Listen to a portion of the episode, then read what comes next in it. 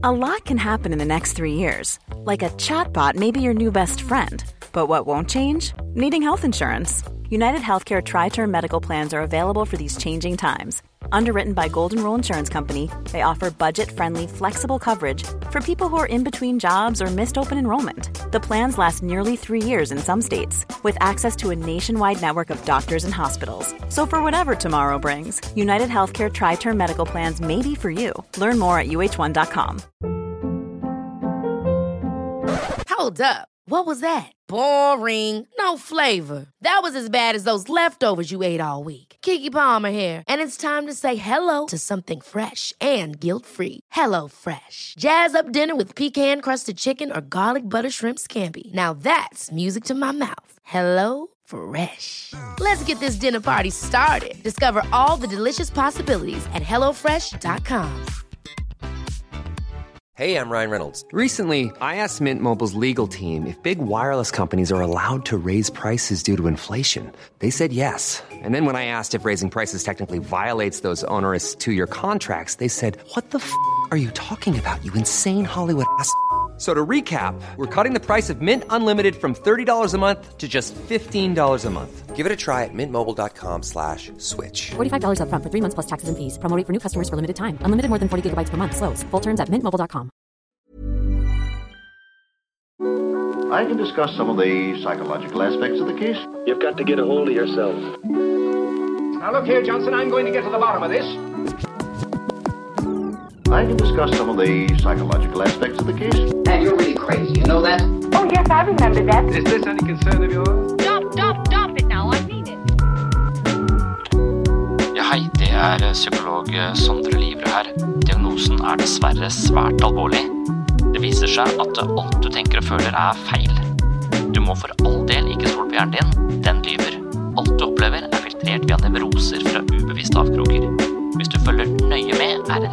mulighet til at jeg kan hjelpe deg. I discuss some of the I discuss some of the I discuss some of the psychological aspects of the case. Well, I'm just losing my mind, that's all. Du må ikke tro på hjernen din. Den lyver. Vi er jo mennesker fulle av nevroser. Det er det som gjør oss til sjarmerende idioter. Velkommen til en ny episode her på Sinnsyn. I dag skal jeg tilbake til utviklingspsykologien. Jeg hadde noen perioder hvor jeg underviste i utviklingspsykologi og måtte sette meg inn i alle disse ulike utviklingshierarkiene, eller fasemodellene som beskriver menneskets bevegelse fra fødsel til voksen alder, alderdom og død. Og det er egentlig ganske interessante beskrivelser, fordi det tegner et slags kart over de prototypiske utfordringene som vi mennesker møter på vei gjennom livet. Og det å ha et kart å orientere seg etter når man møter utfordringer og kriser, det synes ikke jeg er så dumt. Så selv om jeg har gjennomlevd en del av disse stadiene allerede, fordi jeg er over 40 år, så er det likevel interessant å se på de typiske dilemmaene som mennesker går igjennom i ulike faser, og hvordan de fasene også er med på å prege oss senere i livet. Så i dag så skal jeg snakke om en teoretiker som heter Erik Eriksson. Han snakker om åtte aldre, eller åtte faser, som mennesker går igjennom fra fødsel til, til død. Og som sagt, selv om vi da har vært igjennom en del av disse fasene, så er det måten vi løste konfliktene på, måten vi ble behandla på, en hel haug av tilfeldige faktorer osv., men det var måten vi manøvrerte oss gjennom og fikk hjelp til å manøvrere oss gjennom disse ulike fasene, som danner utgangspunktet for personligheten vår.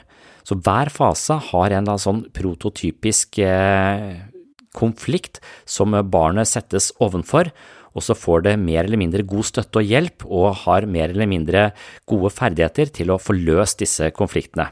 Og løsningene på konfliktene det blir toneangivende for den senere personlighetsutviklingen.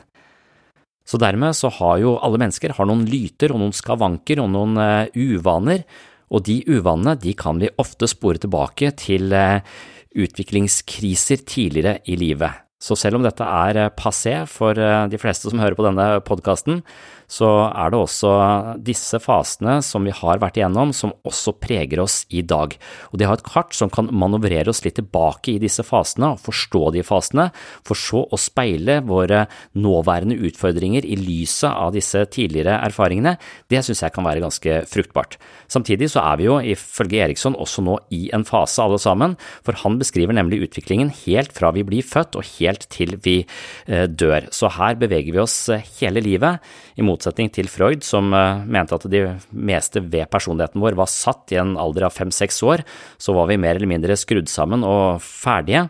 Sånn tenker ikke Eriksson, han tenker at vi beveger oss gjennom ulike utviklingstrinn helt frem til voksen alder og alderdom.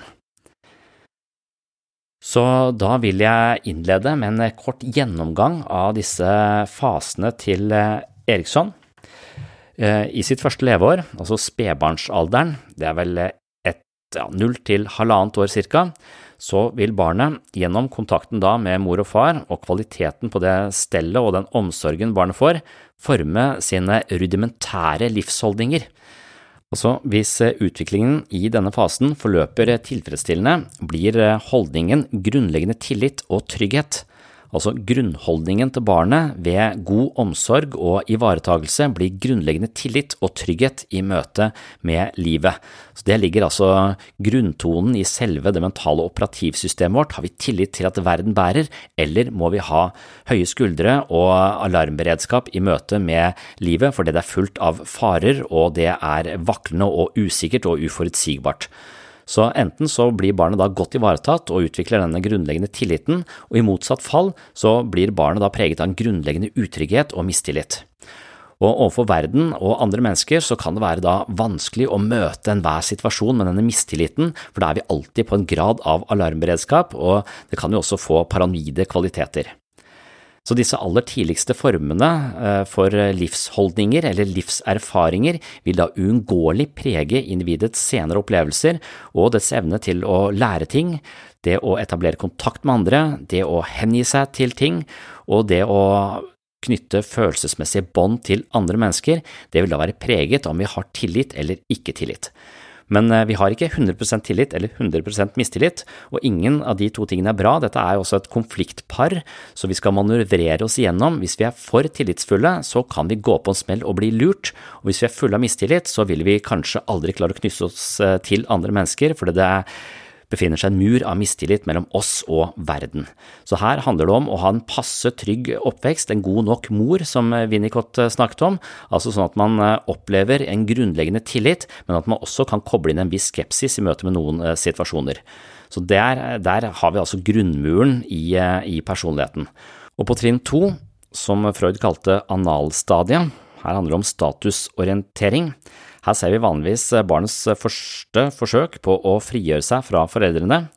Utviklingskonflikten, som Eriksson kalte det, det manifesterer seg her først og fremst i form av autonomi versus skam og tvil. Jeg vil stå på mitt, og jeg vil frem, og jeg vil hevde min eh, vilje og bestemme alt. Og hvis barnet får lov til å bestemme en god del, så vil det utvikle selvstendighet og tro på seg selv, men hvis barnet blir sanksjonert, så kan det utvikle skam og tvil. Dette er, er alderen der foreldrene i vår kultur for alvor begynner å stille krav til barnet, for eksempel i forbindelse med pottetrening og gå på do og kle seg selv osv. Samtidig kjenner barnet på hvor langt det kan gå i retning av å teste og tøye grenser. Det kalles også the terrible twos, så de som har hatt barn, de vet hvor krevende det kan være å ha sånne innmari bestemte folk i bleie som skal gå rundt og bestemme alt mulig. Omgivelsene, altså foreldrene og de som er rundt eh, barnet i denne andre fasen av livet, som er da fra halvannet år til ca. tre, de opplever i denne fasen gjerne barnet som sta og egenrådig. Om barnet innenfor denne konfliktsonen erfarer at det i rimelig grad bevarer herredømme over seg selv, og at det tilegner seg en viss grad av selvkontroll, gis et, eh, det er et godt grunnlag da for følelsen av autonomi og stolthet. Så hvis barnet føler at jeg har kontroll, jeg har selvkontroll, jeg kan gå på do, jeg kan klare meg selv og jeg får lov til å bestemme innimellom, så vil barnet utvikle en følelse av selvstendighet og stolthet. Omvendt, hvis barnet blir eh, stadig sanksjonert, opplever at det mister kontrollen over seg selv eller blir tvunget i kne, så skapes det grunnlaget for at barnet mister troen på seg selv og blir prega av skam, tvil og manglende selvtillit. Så her handler det igjen om en slags balanse mellom å la barnet få bestemme en god del for å utvikle denne følelsen av selvstendighet og stolthet, men man må jo også sette noen grenser, og idet man setter for mange grenser, så risikerer man å gi barnet en grunnleggende følelse på at jeg er ikke verdig, jeg mangler bestemmelsesrett, jeg blir tvunget eh, i kne. Og da skapes altså grunnlaget for at barnet mister troen på seg selv og blir da prega av denne skammen og tvilen. Så det å skamme seg, en sånn grunnleggende følelse på at jeg, jeg ikke er god nok eller verdig, den kan oppstå hvis barnet får for mange grenser og for mange krav og blir sanksjonert for kraftig.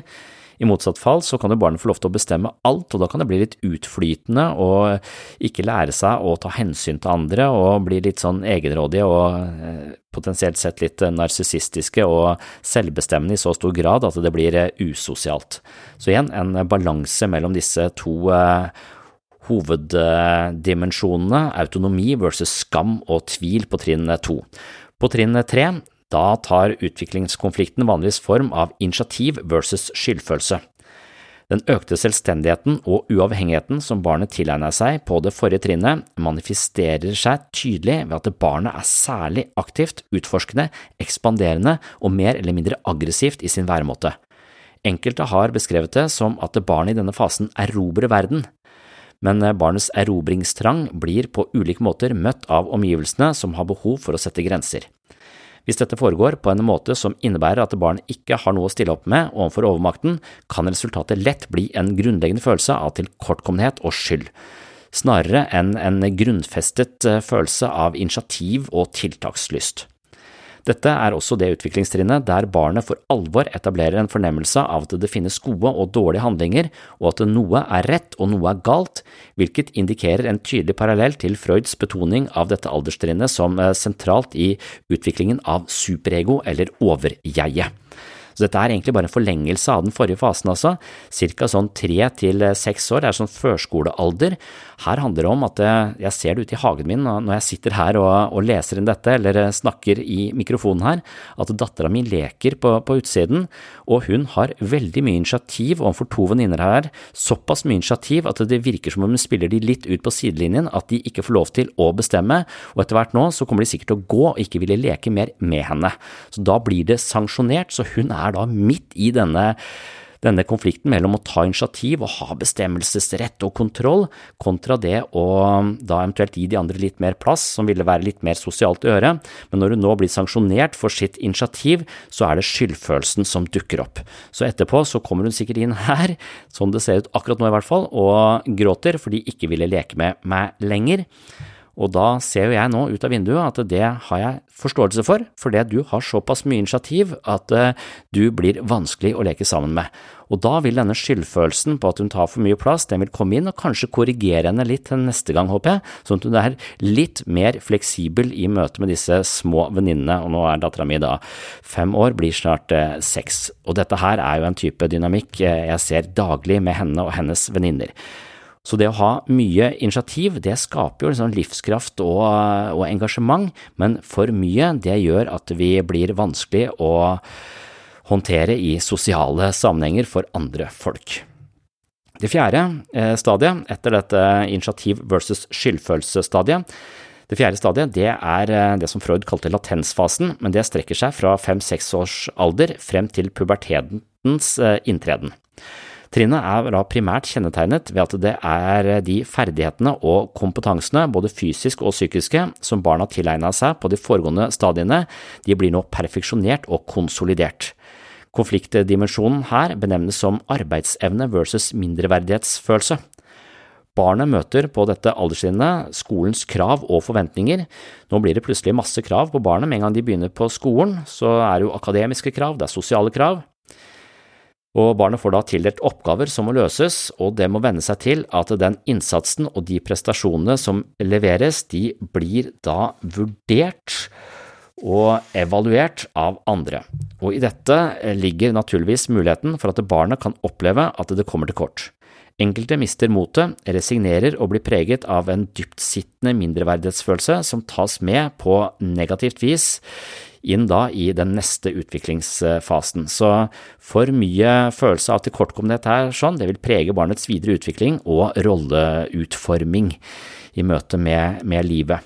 Og det er jo her vi har snakket uh, mye om tidligere på denne podkasten, at uh, barn som blir målt og veid og evaluert hele tiden, de vil jo få en uh, enorm selvbevissthet på og hele tiden muligheten å måle seg opp mot andre, opp mot standard, opp mot nasjonale prøver osv. Hvis man hele tiden blir evaluert på denne måten, så er man jo under et slags konstant press, og jeg tror mye av det presset gjør at Istedenfor å være nysgjerrig og lekende og interessert, så flytter motivasjonen vår ut, så vi er bare motivert av å bli evaluert på en god måte, og fokuset på det vi skal lære forsvinner, men fokuset på å få gode karakterer blir veldig eh, present, eller gjøre det bra på skolen blir veldig present, og på den måten så tror jeg vi mister den indre motivasjonen, vi blir styrt utenfra, og det er også veien til utbrenthet, og kanskje kan det gjøre regnskap for eh, det vi nå ser som eh, skolevegring, at opp mot 3,7 eh, av alle barn de går ikke på skolen av litt uklare årsaker. Det er så over 20 000 barn som sitter hjemme og sliter med skolevegring. Det er ikke nødvendigvis at de har sånn desidert angst, det er bare et eller annet diffust som gjør at de ikke makter å gå på skolen skolen, og kanskje er det denne voldsomme evalueringa som bare har tatt helt av de senere, senere år. Det å føle på dette presset hele tiden, det blir, kan bli for mye for eh, noen. Så da kommer man vel ut som eh, med denne følelsen av eh, tilkortkommenhet. Og konfliktpar her, det er jo altså arbeidsevne versus mindreverdighetsfølelse. Så vi skal nå bruke evnene våre, og de blir evaluert, og hvis vi får skryt og oppbacking og støtte og god veiledning av eh, lærere, eh, foreldre og får støtte fra jevnaldrende, så kan vi komme ut av denne fasen med en følelse av å være kompetente og dugelige. Hvis vi mangler dette, så kan vi komme ut av denne fasen med en mindreverdighetsfølelse. Det femte utviklingstrinnet benevner Eriksson pubertet og overgangsalder, og her er motsetningsparet det er identitet versus rolleforvirring, eller identitetskrise, og det er eh, hovedsakelig det jeg skal snakke litt mer om senere i denne episoden. Eriksson hevdet at individets hovedutfordring på dette trinnet består i å eh, forene barndommens opplevelser og erfaringer med forventningene man blir møtt med i de voksnes verden. Så dette her er eh, ungdomstida. Det er eh, snakk om hvem er jeg? Det er altså snakk om identitet, det handler om å skape en sammenhengende fortelling om hvem jeg er, hva jeg har opplevd, hvordan jeg har løst krisene på de ulike trinnene i min utvikling, og hva jeg har lært om meg selv, hvordan jeg er og ikke er, og hvordan jeg identifiserer meg, hvordan jeg er til forskjell fra andre, i likhet med andre, osv. Så, videre. så det å finne en slags sammenhengende følelse av hvem jeg er, det kan skape en solid identitet, og en solid identitet er helt avgjørende for å skape gode relasjoner til andre mennesker.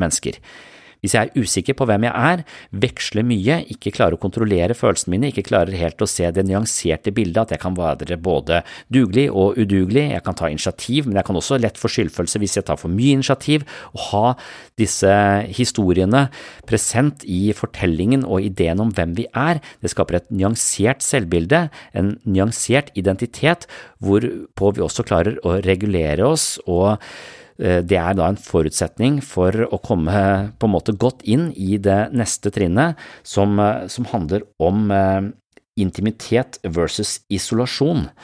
Det handler altså om å være nær andre mennesker eller holde avstand.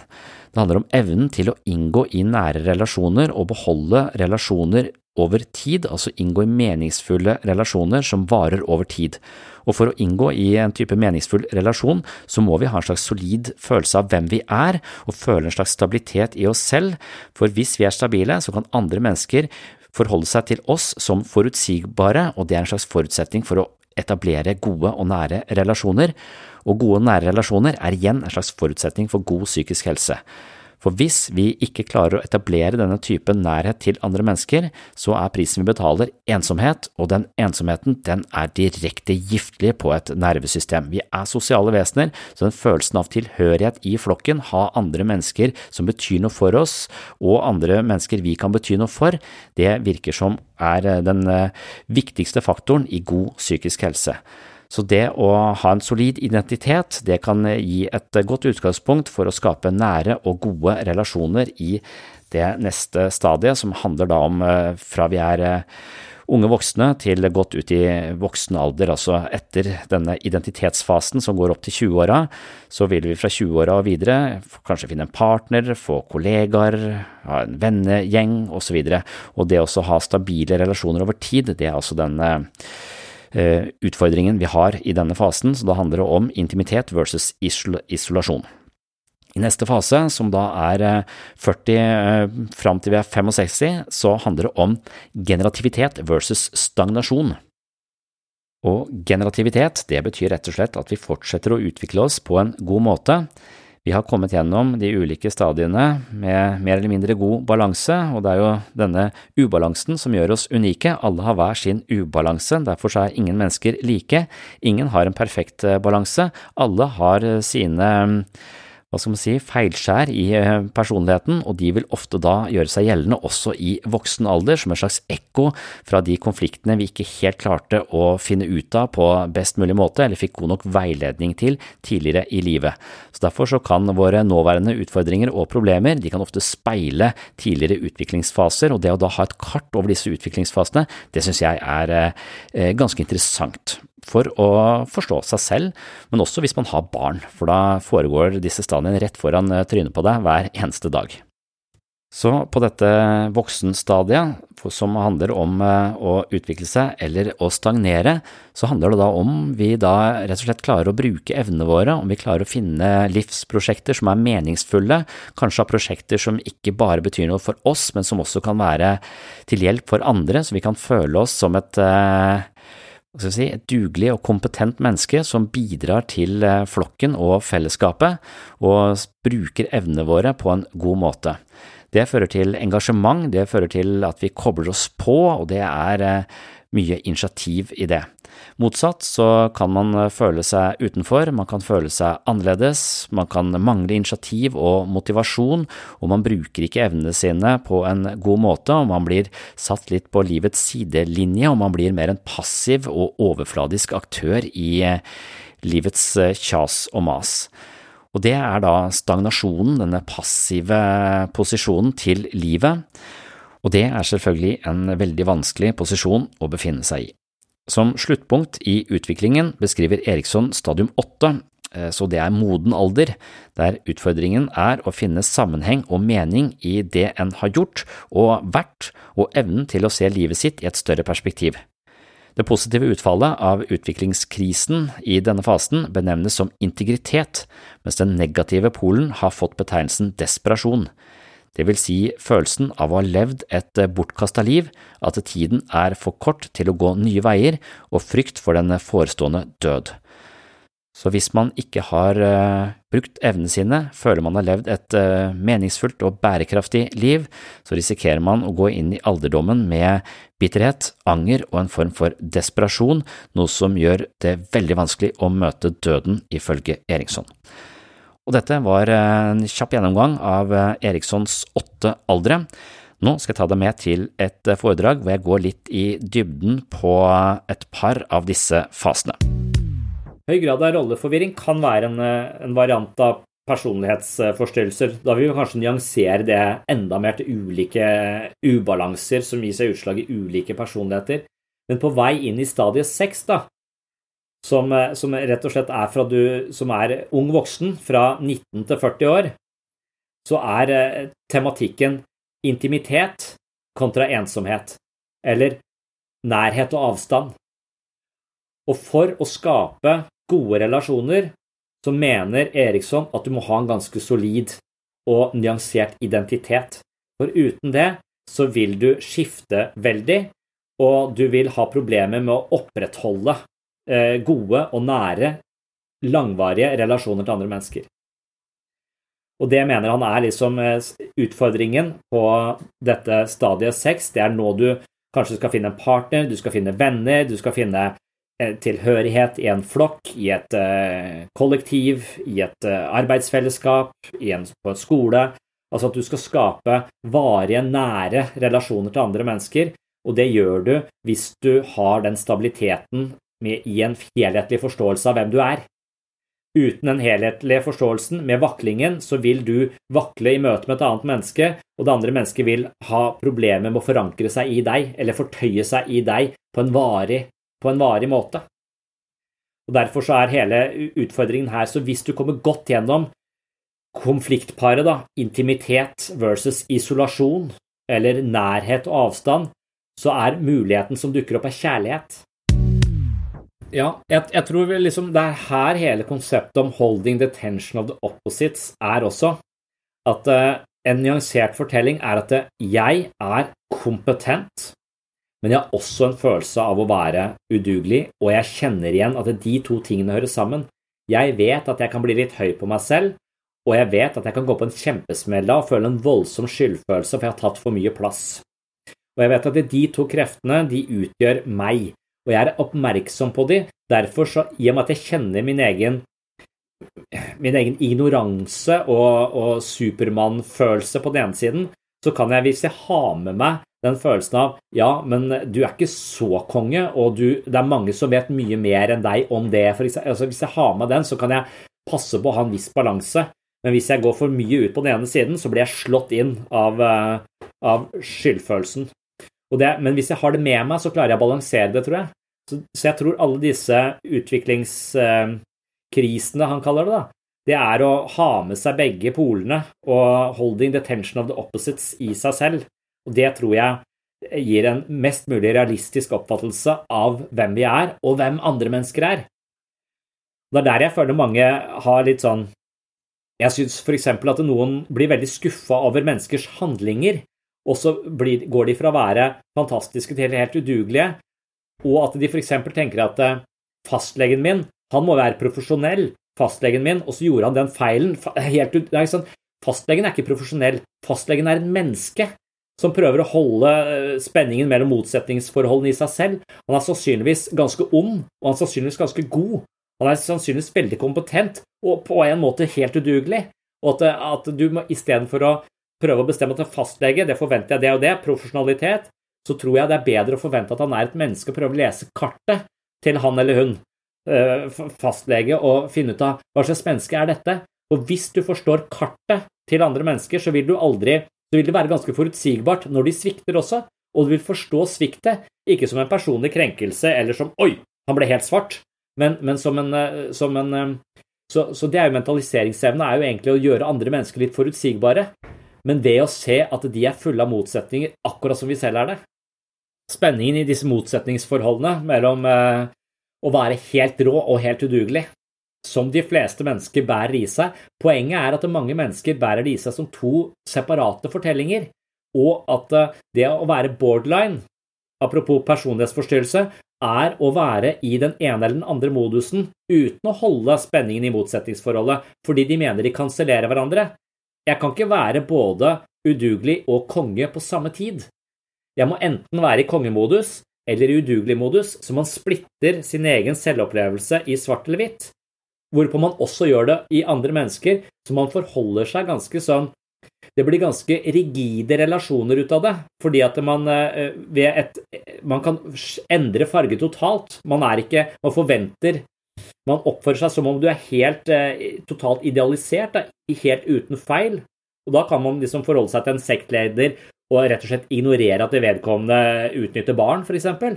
fordi at man ikke klarer å, å integrere de, de, de sidene ved den personen. Og det er jo farlig å forholde seg i relasjoner på denne unyanserte måten. Men det har vært Forsvaret når vi vokste opp. For hvis mamma er både god og ond, så er jeg en uforutsigbar tilværelse. Mamma må være bare god. Og dermed så må jeg beholde mine objektbilder helt rene. Jeg orker ikke å besudle de med nyansene. For det, det, kan ikke jeg. Da er jeg hjelpeløs. Så fortsetter man den, eh, den, strategien inn i voksenlivet, og så blir det veldig, veldig, veldig vanskelig eh, relasjon. If you're looking for plump lips that last, you need to know about Juvederm lip fillers. With Juvederm Volbella XC and Juvederm Ultra XC, your lip look, whether it's subtle or bold, can last up to one full year with optimal treatment and no additional maintenance. Find a licensed specialist and see if it's right for you at juvederm.com today. That's J U V E D E R M.com. Add fullness to lips in adults over 21 with Juvederm Volbella XC or Juvederm Ultra XC. Do not use if you have severe allergies or a history of severe allergic reactions, or if you're allergic to lidocaine or the proteins used in Juvederm. Tell your doctor if you have a history of scarring or taking medicines that decrease the body's immune response or that can prolong bleeding. Common side effects include injection site redness, swelling, pain, tenderness, firmness, lumps, bumps, bruising, discoloration, or itching. As with all fillers, there's a rare risk of unintentional injection into a blood vessel, which can cause vision abnormalities, blindness, stroke, temporary scabs, or scarring. For full important safety information, visit juvederm.com. Hold up. What was that? Boring. No flavor. That was as bad as those leftovers you ate all week. Kiki Palmer here, and it's time to say hello to something fresh and guilt-free. Hello Fresh. Jazz up dinner with pecan-crusted chicken or garlic butter shrimp scampi. Now that's music to my mouth. Hello Fresh. Let's get this dinner party started. Discover all the delicious possibilities at hellofresh.com. A lot can happen in three years, like a chatbot may be your new best friend. But what won't change? Needing health insurance. United Healthcare Tri Term Medical Plans, underwritten by Golden Rule Insurance Company, offer flexible, budget friendly coverage that lasts nearly three years in some states. Learn more at uh1.com. Det blir veldig emosjonelt ustabilt fordi du skifter fra to motpoler, så du istedenfor å være på et kontinuum mellom eh, bra og dårlig, godt og ondt, så går du fra godt til ondt. Og de to fortellingene, de, de er ikke eh, De opererer ikke samtidig. Derfor så vil det man kaller borderline, eller emosjonell ustabil, det vil kunne snakke om seg selv som jeg er helt fantastisk, jeg fikk landa det prosjektet på jobben og, og, sånn. Og så senere i samtalen så kan de eh, fortelle at de er helt udugelige, alle andre på jobben er mye bedre enn meg. Og hvis du påpeker misforholdet mellom i stad så sa du dette, mens nå sier du dette, og det høres ut som det er to helt forskjellige personer du beskriver, så vil de avvise den, den diskrepansen som er helt åpenbar hos de, og så vil de forholde seg til kun den ene. Det, altså, holding attention of the opposites betyr at jeg innser at jeg er både konge og helt udugelig på samme tid. Og det er en solid eh, identitet, vil jeg tro. Og det er også sånn at eh, identiteten din kan ikke bli så innmari låst, da. Den blir eh, noe som hele tiden skapes og endrer seg i takt med nye erfaringer som du integrerer i den helhetlige fortellingen om deg. Men hvis du har kun én litt sånn rigid historie, så vil alle nye erfaringer tolkes inn i det.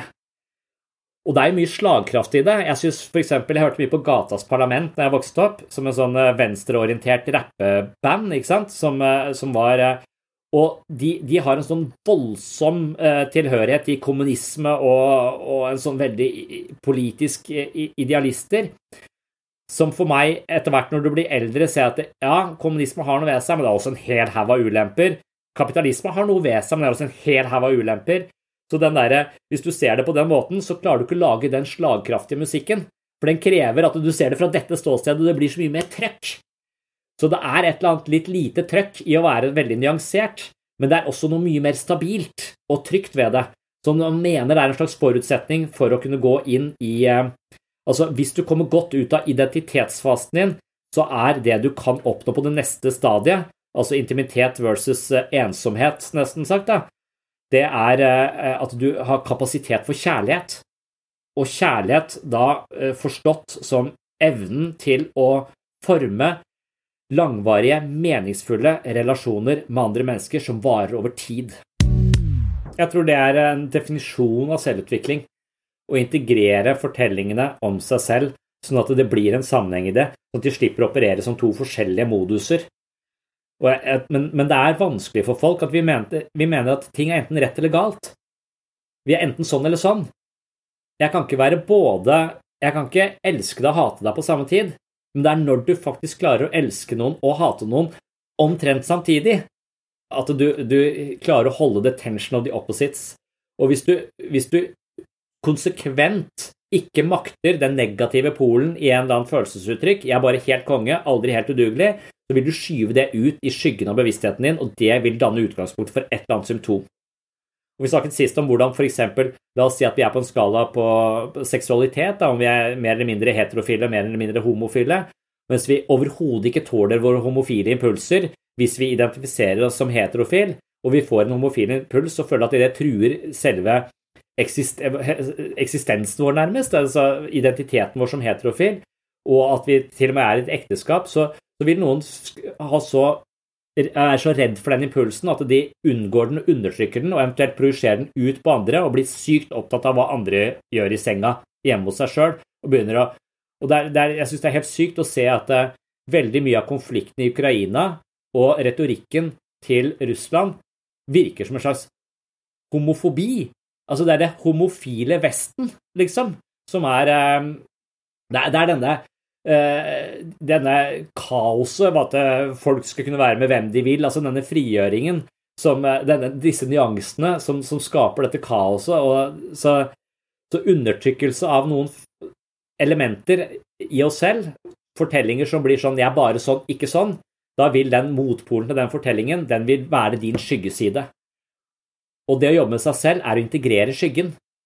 Nettopp se at jeg er udugelig og kompetent, og klare å få de historiene til å, å, å operere samtidig. Da tror jeg du har kommet veldig, veldig langt, og da tror jeg du blir et, et nyansert menneske som også har en solid identitet, som også da har muligheten til å møte andre mennesker fordi de ser at de også har ulike sider.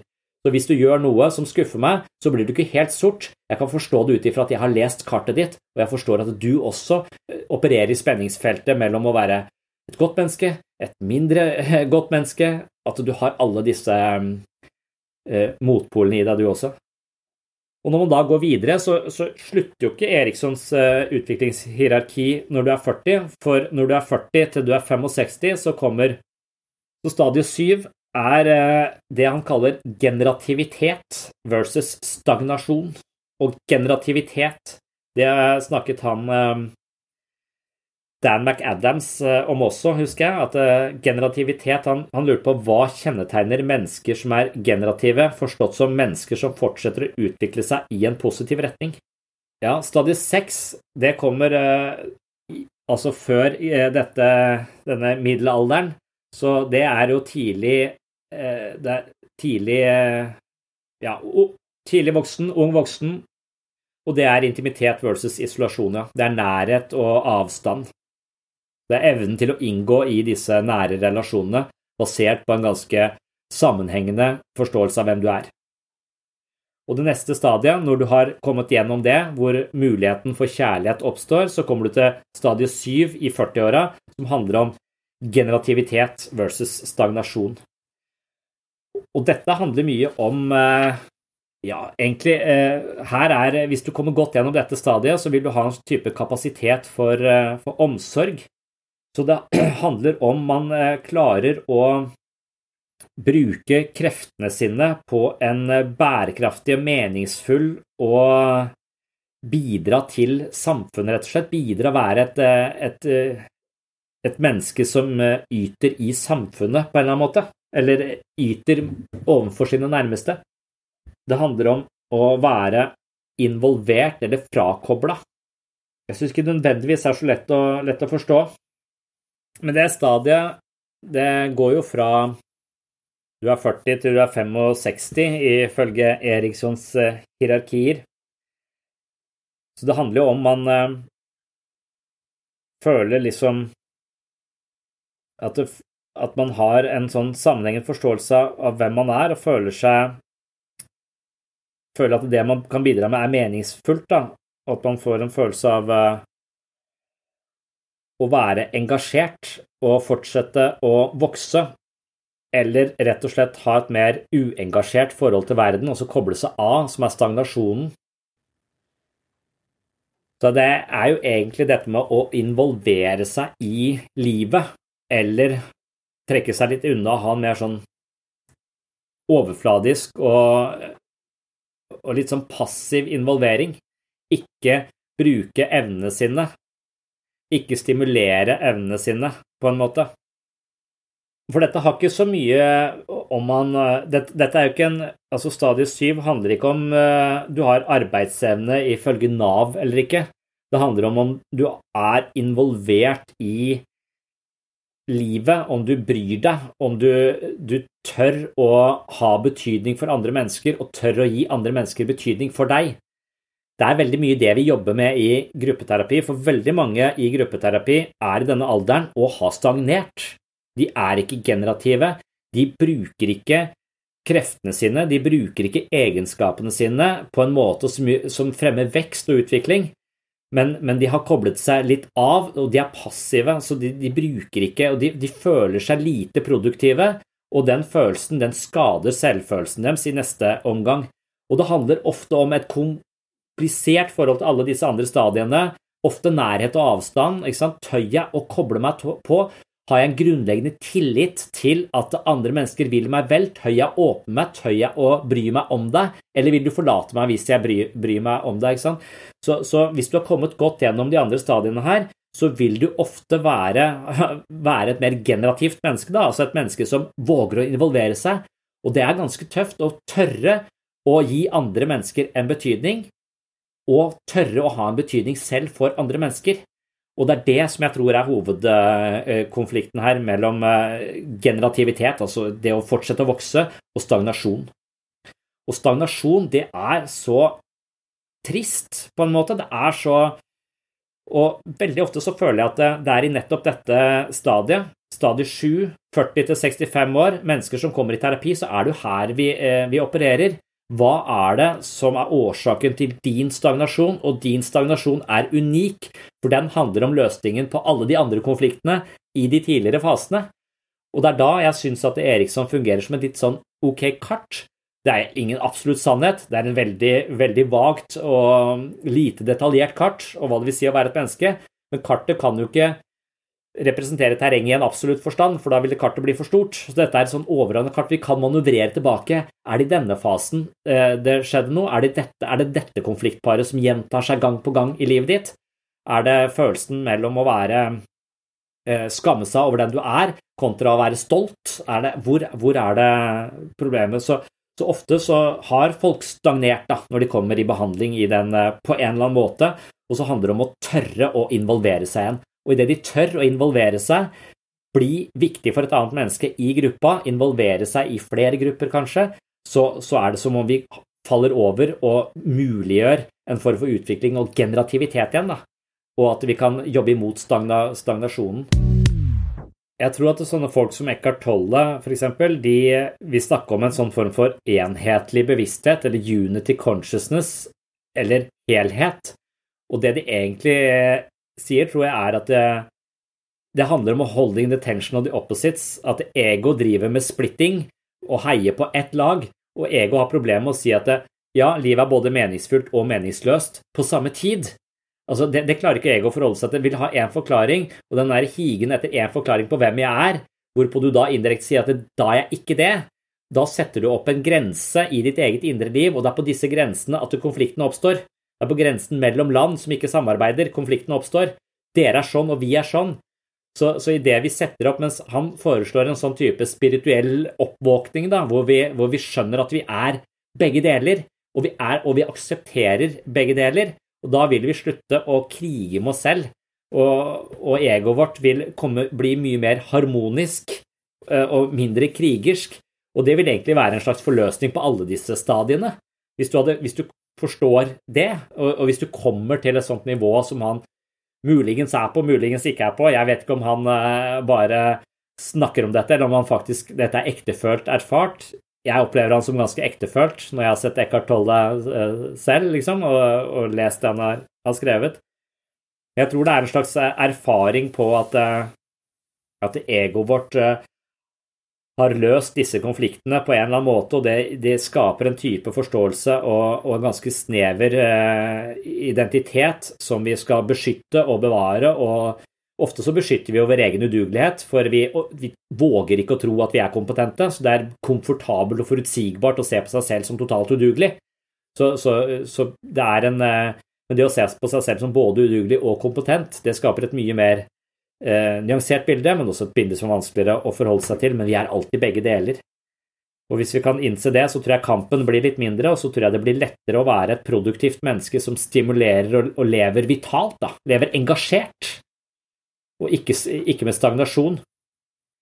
Og hvis du da klarer å leve med engasjement og bruke evnene dine i den grad det er mulig å stimulere deg selv, så kommer du inn i det siste stadiet på en god måte, som er 50 eller nei, som er 65 til du dør, da, som er eh, integritet versus desperasjon. Og det er rett og slett at du ser tilbake på livet ditt, og så vurderer du om du har nettopp brukt evnene dine på en meningsfull måte, levd livet ditt i pakt med verdiene dine som du ønsket, og hvis du har det, så får du en følelse av da, da får du en følelse av klokskap, da, en følelse av integritet, og du, du kan eh, møte døden med en viss grad av ro. Motsatt så kan du havne i en følelse av anger og bitterhet og desperasjon, som man sier, mot at du ikke har brukt evnene dine, livet ditt, på den måten du egentlig hadde ønska. Men jeg er helt enig med deg at eh, jeg føler selv at jeg har eh, brukt et helt liv på å stå the tension of the opposites og virkelig ikke forstått det. Og så har jeg forstått det i et lite øyeblikk, og så har det forsvunnet fra bevisstheten min igjen. Og så har jeg fortsatt å drive med oppspalting og grensesetting og eh, tviholdt på én side av meg selv og fornektet en annen, og så har det dukket opp igjen. og så så, så det, er noe, det er nok en slags idé som må vokse og gro, akkurat som du kan godt forstå Eckhart Tolle. Hvis ikke du mediterer og følger hans vei og gjør de mentale øvelsene han foreslår, så blir det bare teori for oss. Det må liksom det må ofte bo i oss ganske lenge før det har en sånn gjennomgripende effekt. da. Og for meg så er det eh, podkasten eh, This Jungian Life som åpner dette her for meg. Spesielt Attention of the Opposites og det å drive med skyggearbeid. Det er en podkast som heter This Jungian Life, som jeg uh, hører Ja, Jungian. Det er en podkast om Carl Gustav Jung, og hvordan hans ideer uh, kan brukes i vår moderne verden og til å forstå oss selv. Og de snakker hele tiden om the tension of the opposites, og jeg mener at det er tre veldig kloke mennesker som uh, går inn i pensjonsalder og sannsynligvis havner på integritet i sin modenhet fordi de og, og de snakker på de snakker, du, du, tror at du har satt podkasten din på halv fart når de snakker, og så tenker du hva er det som skjer her? Men så skjønner du at det de sier, det må gå i halv fart. For dette her er eh, såpass eh, Hver setning er så full av mening, så meningsfortetta, så de sier ikke mer enn de må. Men det de sier, det sier de veldig sakte, og det er eh, virkelig tankevekkende. Og de, det er de som har eh, snakket om the tension of the opposites igjen, som fikk det igjen men jeg husker splitting-mekanismen som vi har snakket om tidligere. Også, men det opp, når det dukker opp i nye fasonger, så kan det ta bolig i oss på nye måter. Derfor så tror jeg psykologisk teori viss, kan fungere litt som kart, da. Som kan i hvert fall manøvrere oss i riktige sider, men, eh, men vi må også det må også bli ektefølt, på en måte. Det må, eh, det må over i den eh, høyre hjernehalvdelen, hvor det må føles, ikke bare forstås i den venstre. Hvis det bare forstås i den venstre, så blir vi bare fulle av teori. Yes. Jeg skal til Arendal og spille fotball hvis eh, banen er Eller jeg skal ikke spille, men eh, jeg må dit, så jeg har litt bare halsa av sted. Takk for at du hørte på Sinnsyn. Det siste du hørte her, det var kun et uh, lite utdrag fra et uh, lengre foredrag hvor jeg nettopp går inn i de enkelte utviklingsfasene hos uh, Erik Eriksson for å se på de typiske utfordringene som gjemmer seg i menneskets utvikling, og da hvordan vi løser disse utfordringene, eller disse krisene, eller disse konfliktparene, det blir da toneangivende for hvordan vi fungerer i voksenlivet, og det blir eh, på sett og vis byggesteinene i personligheten vår. Og det å ha litt eh, innsikt i disse utviklingslinjene og disse utviklingskrisene, det synes jeg fungerer som et slags eh, kart når vi skal gå innover i oss selv og prøve å forstå oss selv, og prøve å forstå de utfordringene vi står overfor i dag. Så det er eh, rett og slett et kart over vårt indre landskap, og for å drive med sinnssyn, altså se sitt eget sinn, så trenger man jo av og til gode kart å manøvrere etter, og jeg synes at utviklingspsykologien har mange gode kart å by på, og Erik Homburger Eriksson er blant de kartene som eh, jeg selv har hatt stor glede av. Så hvis du vil dykke ned i de ulike aldrene til Eriksson, så kan du nå gå inn på patron.com for segs sinnssyn og se en miniserie der sånn som eh, handler om nettopp Erikssons utviklingsfaser. Dette ligger da ute på Patron som en eh, miniserie, et eh, videoforedrag, som jeg har kalt Drama fra begynnelse til slutt. Så hvis du vil ha litt mer detaljer i dette kartet, så kan du også gå til patron.com for segs sinnssyn, og skaffe deg et abonnement på mitt mentale treningsstudio. På mitt mentale treningsstudio så får du masse ekstra episoder av sinnssyn. Du får da videoforedrag, du får eh, lydbøker, du får eh, meditasjonsveiledning og mye mer. Så hvis du finner verdi her på sinnssyn, har lyst til å støtte prosjektet sånn at jeg kan eh, holde på med dette her på ukentlig basis, og da som takk for støtten ønsker da å få mer sinnssyn hver måned, så er patron.com for segs sinnssyn stedet å gå. Du kan også tipse sjefen din om at det finnes bedriftsabonnement på Sinnsyns mentale helsestudio. Der kan eh, leder eller eh, i organisasjon, bedrift, kommune, whatever, kan henvende seg til meg via webpsykologen.no. Der finner du kontaktinformasjon. Send meg en mail eller eh, se på nettsidene mine der på webpsykologen.no og få da informasjon om hva som skal til for å tegne et abonnement for alle i organisasjonen eller bedriften. Og jeg mener jo at det å trene i flokk, det er ikke så dumt. Så hvis flere blir interessert i eh, sinnssyn, eller sinnets bevegelser, så, og syns det er et eh, spennende måte å forstå seg selv og relasjonene sine på, så kan jo det kanskje borge for en eh, interessant prat i lunsjen hvis flere trener på Sinnsyns mentale treningsstudio. Der inne finner du også et eh, mentalt treningsprogram, og så masse øvelser som eh, er myntet på å sette denne psykologiske teorien ut i hverdagslivet. For én ting er jo å forstå kartet, én ting er å forstå Erikssons åtte aldre, en annen ting er å bruke den kunnskapen i livet sitt for øvrig. Altså hvordan bruker jeg kartet til å finne veien i mitt eget liv? Det er eh, det Sinnsyns mentale treningsstudio handler om. Så hvis du er interessert i det, så håper jeg å se deg på Patron eller som bedriftsabonnent på Sinnsyns mentale helsestudio. Det var det jeg hadde for denne gang. Takk for følget, og velkommen tilbake i neste episode. Oh, I'm just losing my mind, that's all.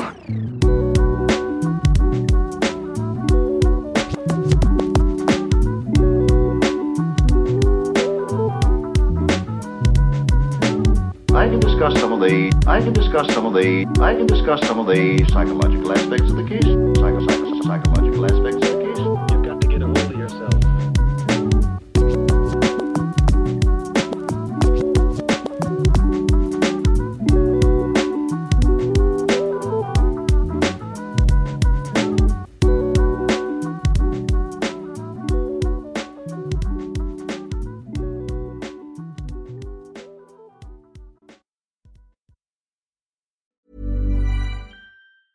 Planning for your next trip? Elevate your travel style with Quince. Quince has all the jet setting essentials you'll want for your next getaway, like European linen, premium luggage options, buttery soft Italian leather bags, and so much more. And is all priced at 50 to 80% less than similar brands. Plus, Quince only works with factories that use safe and ethical manufacturing practices. Pack your bags with high-quality essentials you'll be wearing for vacations to come with Quince. Go to quince.com slash pack for free shipping and 365-day returns. Ever catch yourself eating the same flavorless dinner three days in a row? Dreaming of something better? Well, HelloFresh is your guilt-free dream come true, baby. It's me, Kiki Palmer. Let's wake up those taste buds with hot, juicy pecan-crusted chicken or garlic butter shrimp scampi. Mm. Hello Fresh. Stop dreaming of all the delicious possibilities and dig in at HelloFresh.com. Let's get this dinner party started. Hey, it's Paige DeSorbo from Giggly Squad. High quality fashion without the price tag? Say hello to Quince. I'm snagging high-end essentials like cozy cashmere sweaters, sleek leather jackets, fine jewelry, and so much more. With Quince being 50 to 80% less than similar brands. And they partner with factories that prioritize safe, ethical, and responsible manufacturing. I love that. Luxury quality within reach. Go to quince.com slash style to get free shipping and 365 day returns on your next order. Quince.com slash style.